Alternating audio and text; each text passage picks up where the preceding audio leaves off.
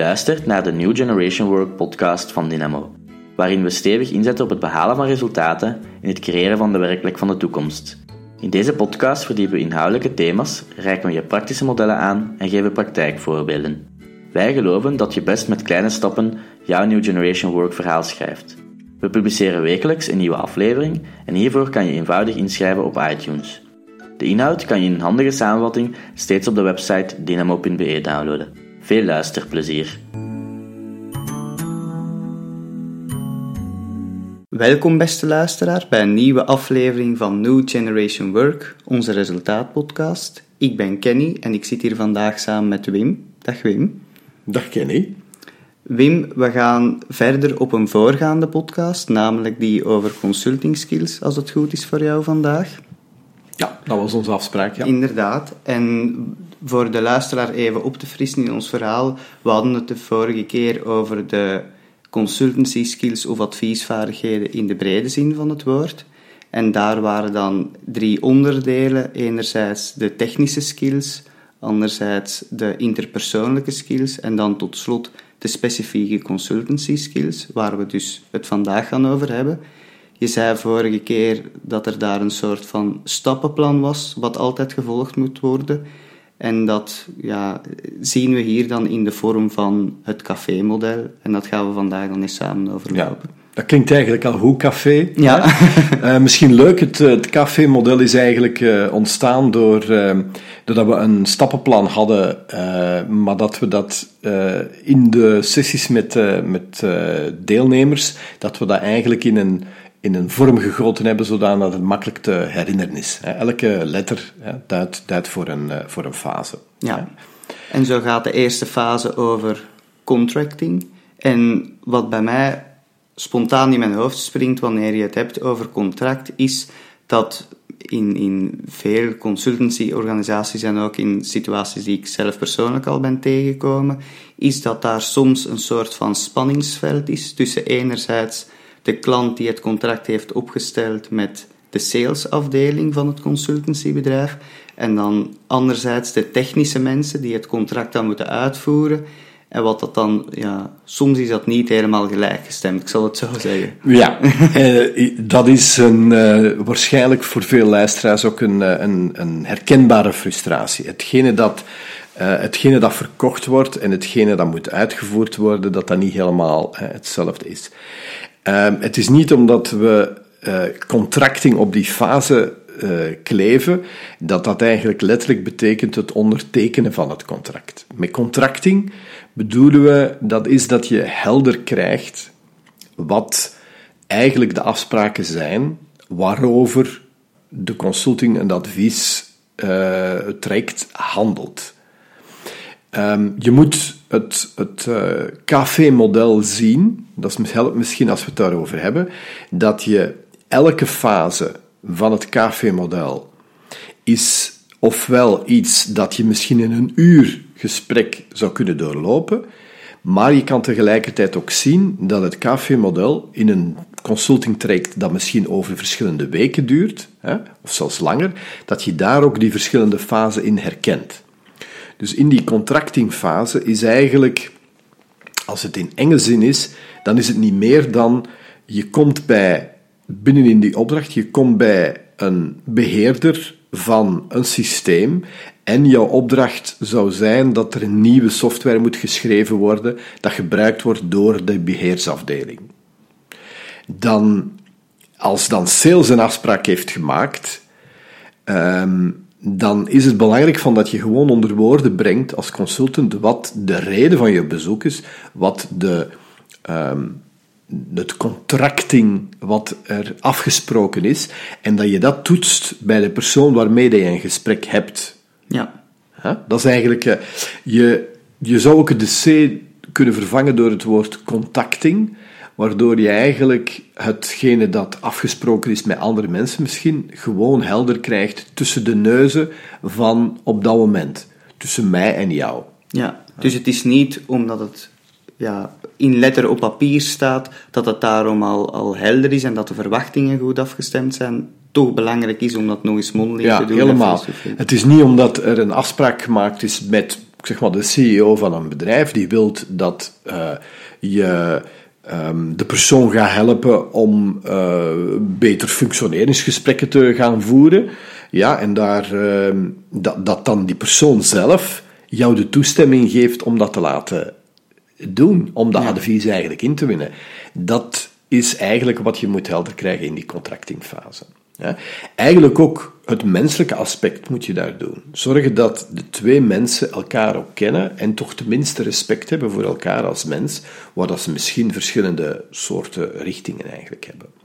Is het in brede zin, dan is die contractingfase de fase waar dat je um, eigenlijk de vraag gaat helder krijgen. Wat is, wat is de reden waarom dat er een vraag naar een advies is? Ja. ja? Dat is die fase. De volgende fase in het café-model, daar kunnen we misschien nu ook het snel over hebben, is de analyse. Um, ja, wat is daar precies belangrijk volgens het café-model? Ja, dus de, de, de A van analyse is, um, je mag er, als je uitgenodigd wordt, je mag er niet van uitgaan dat je de situatie al helder hebt begrepen wanneer je naar die klant komt. Ja. Um, het kan lijken dat je het helder hebt, omdat je er veel expertise in hebt, maar je moet er als het ware in een soort zone gaan staan. Dat kan zijn dat die zone maar vijf minuten duurt, hè, maar dat kan zijn dat die zone, een analysefase in brede zin, dat dat een, zelfs een heel belangrijk onderdeel is van een uh, consultingopdracht, iets analyseren, maar dat je er niet van uitgaat dat je het eigenlijk al weet. En dan ga je, dat is dan het toepassen van het bevragen, dan ga je bijvoorbeeld in die analysefase de juiste vragen stellen. Um, ik ga een voorbeeld uh, misschien geven, is, is um, um, we, hebben zelf, we hebben zelf vaak uh, veel op, opdrachten gedaan die te maken hadden met uh, beter klantencontacten op te zetten. En dan krijg je een vraag die vanuit bijvoorbeeld de personeelsdienst is, in opdracht van misschien de CEO, die zegt van maak onze organisatie dat die meer klantgerichter is. En dan denkt men spontaan in HR aan de klassieke dingen van oké, we moeten beter kunnen communiceren, beter klachten kunnen opvolgen. En zo heb ik een traject gedaan waar dat die veronderstelling er eigenlijk was, maar waar dat we een sessie organiseerden met de betrokkenen, om dan eigenlijk na te gaan van ja, wat willen jullie? Want er is hier de nood om klantgerichter te werken, is datgene wat hier HR denkt dat jullie nodig hebben, is dat eigenlijk wel zo? En wat eruit gekomen is, is dat mensen zeggen van, ja maar nee, we vinden van onszelf hè, dat we al heel klantgericht werken en wij kunnen met klachten omgaan. Maar een van de dingen die bij ons uh, moeilijk maakt, dat is dat de processen en de manieren waarop dat moeten over klanten beslissen, dat die niet helder zijn. Dat er tegenstelde richtingen komen van hogerhand, waar dat je bij de ene klant deze richting uit mag en bij de andere kant veel strenger moet zijn. En dat maakt dat we eigenlijk geen heldere afspraak hebben. Dus daar was het geen uh, naar klantenzorg, maar was het eigenlijk hoe kunnen we met z'n allen die processen helder krijgen en hoe kunnen we dat deftig doorpraten zodanig dat we er ook allemaal achter staan. Ja, maar ja, stel dus... dat jullie van in het begin hadden gedacht van de analyse, we weten het al in ons hoofd, het gaat over klantgerichtheid en we moeten daar een opleiding over geven, dan was het eigenlijk slecht uitgedraaid, ja. want dat was niet wat dat de klant nodig had. Ja, dat is, niet wat, wat, dat is wel wat uh, de HR-afdeling dacht. Ja, en dat je misschien ook, als je een opleidingsorganisatie bent, denkt van oké, okay, dat ga ik geven. Maar eigenlijk was dat niet, er was ook nooit niet vanuit de CEO gevraagd van het moet dat als opleiding zijn, de actie. En zeker niet van diegenen die uiteindelijk de uitvoerder zijn, waar de, de, de actie moest, moest komen. Ook zij waren niet van overtuigd dat zij een opleiding nodig hadden. Doe je dat toch, zoals je zelf zegt, ja, dan mislukt dat project eigenlijk al ja. vanaf het begin. Dus dat is een goede analysefase uh, doorvoeren. Ja, en dan na de analyse komt dan de feedback, het teruggeven van die analyse, veronderstel ik dan? Ja, weer opnieuw in brede fase is, je hebt, als je eigenlijk iets moet gaan veranderen, dan heb je, uh, nadat je een analysefase gedaan hebt, uh, stel dat je de opdracht eigenlijk is een, een ICT eh, ehm, eh, in een ICT-wereld, is dat je bijvoorbeeld een nieuw systeem, een CRM-systeem moet gaan uitdokteren. Ja? Maar het organisatiemodel is dat daar nu al met een oud CRM-systeem werkt. Dan is jouw analysefase gebeurd door goed te weten van oké, wat wordt er nu gebruikt? En dan de feedback te gaan geven van wat zouden wij voorstellen, gegeven wat wij in de contractingfase gehoord hebben, dat jullie betrachting is, hoe dat je dat zou aanpakken. Misschien uit de vorige podcast kan je dan eigenlijk onthouden dat het goed is van in dat feedbackproces, want daar ga je zeggen, dit is wat wij voorstellen dat we zouden doen, dat je drie alternatieven eigenlijk voorstelt, zodat de klant zich niet voelt dat hij eigenlijk maar één alternatief voorgesteld krijgt. Dus dat is die, die, die feedbackfase.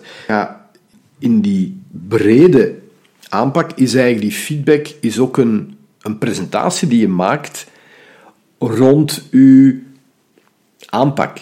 In een sales context, als ik dat misschien mag hebben, ga je eigenlijk in één gesprek van misschien anderhalf uur door het volledige café-model gaan. Dus je hebt een fase waarmee je vraagt van oké, wat willen jullie? Dan een fase waarmee dat je zegt van als ik het goed begrijp, hoe zit het bij jullie? Zit het zo en zo en zo? En dan ga je eigenlijk pas zeggen, dit is wat wij dan voorstellen. Dat is de feedback die je dan uh, geeft en een presentatie geeft over uw dienstverlening, over uw productkennis, over uw technologie. Ja, dat zit in, in, in die fase, als het gaat over enge zin. Ja. En dan, wanneer dat die presentatie gegeven is, of wanneer dat de oplossingen op tafel liggen, moet daar ook een soort van engagement voor gecreëerd worden. En dat brengt ons dan bij de vierde stap. Ja, ja ehm, engagement. De eerste E van, uh, van, van het KV-model. Wanneer je in een klein gesprek wanneer je voorgesteld hebt van kijk, deze technologie, deze oplossingen zouden we willen doen, dat is dat je met de klant gaat zoeken waar zou het meeste engagement zijn om een uitvoering rond te doen. Heeft dat te maken met prijs? Heeft dat te maken met tijd? Heeft dat te maken met de keuze van technologie? Heeft dat te maken met allemaal elementen die je doorpraat, waardoor dat je de juiste keuze kunt maken en dan zegt van oké, dit is hetgene wat we eigenlijk uh, gaan, gaan doen. In een bredere fase is het engagement is eigenlijk het uitvoeren, het opzetten van het traject.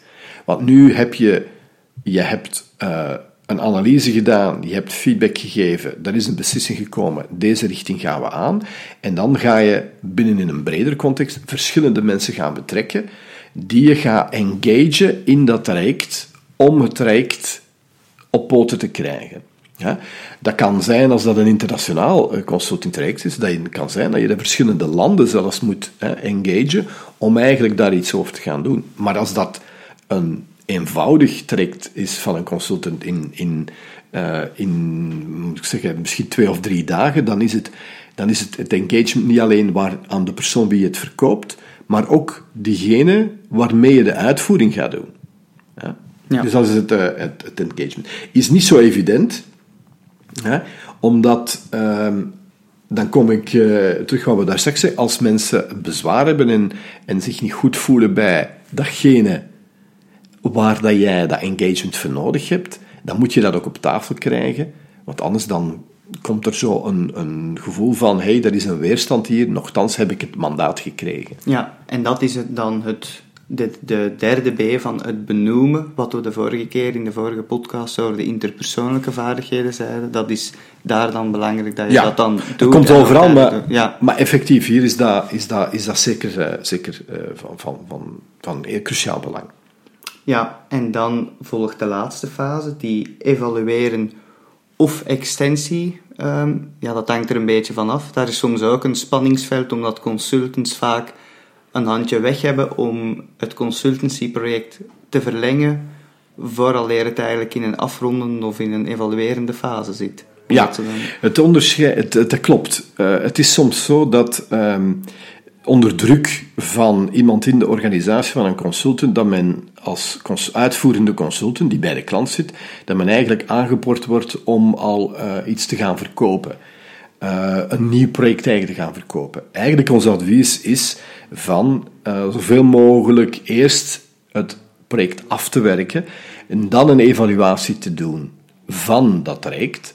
En daarin kan de, het een fase zijn die leidt tot extensie van het traject. En die extensie is eigenlijk een nieuw traject. Dat wil niet zeggen dat je nooit, als het compleet een andere nood is, dat je dan hè, geen nieuw project kan opstarten in het moment dat je een uitvoering bent. Maar de, het, als het traject gaat over het verbeteren van um, een, uh, een verwarmingssysteem, dan verwerk eigenlijk alleen eerst volledig uw project dat gaat over het verbeteren van het verwarmingssysteem. Maar als de klant vraagt, ja, we willen eigenlijk ook uh, een, een airconditioning uh, plaatsen in, in onze kelders, ja, dan is dat een nieuw contract. Dus dat heeft daar niet mee te maken, maar wel extensie pas bespreken wanneer je het huidige traject evalueert en niet al de verlenging eigenlijk te gaan vroeger uh, trachten te verkopen.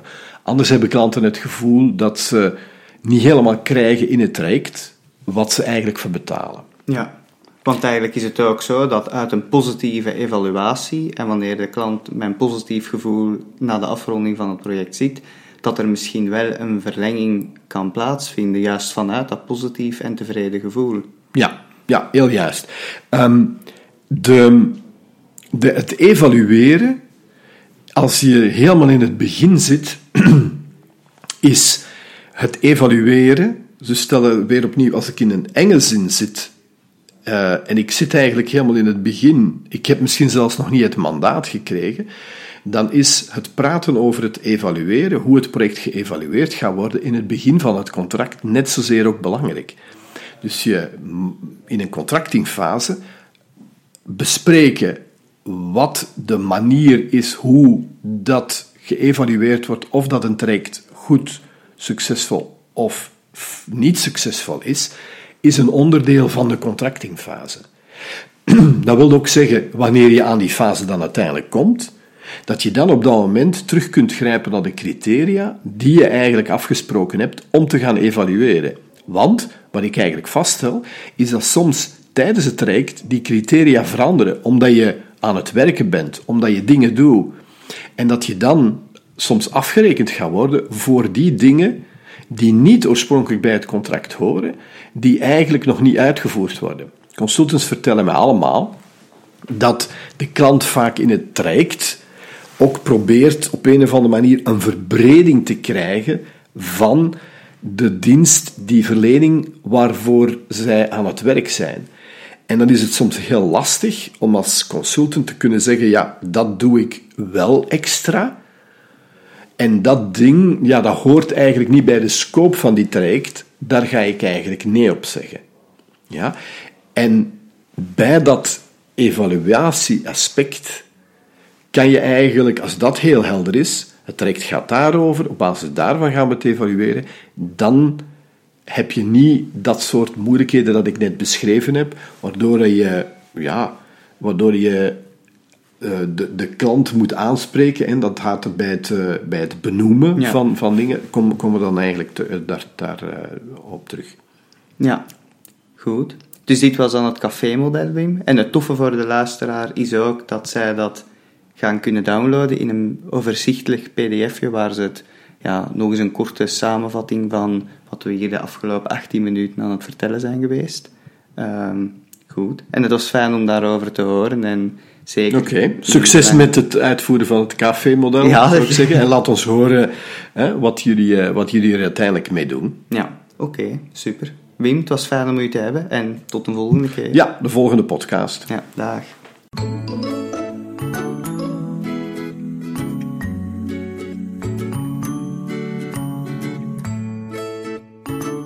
Deze podcast wordt mogelijk gemaakt door Dynamo.be, partner voor training, coaching en organisatieontwikkeling. Dynamo helpt organisaties, teams en individuen om de betere werkplek van de toekomst te creëren. Voor meer opties kijk op jobcrafting.info, schoolforrecruitment.be of sliminterviewen.be.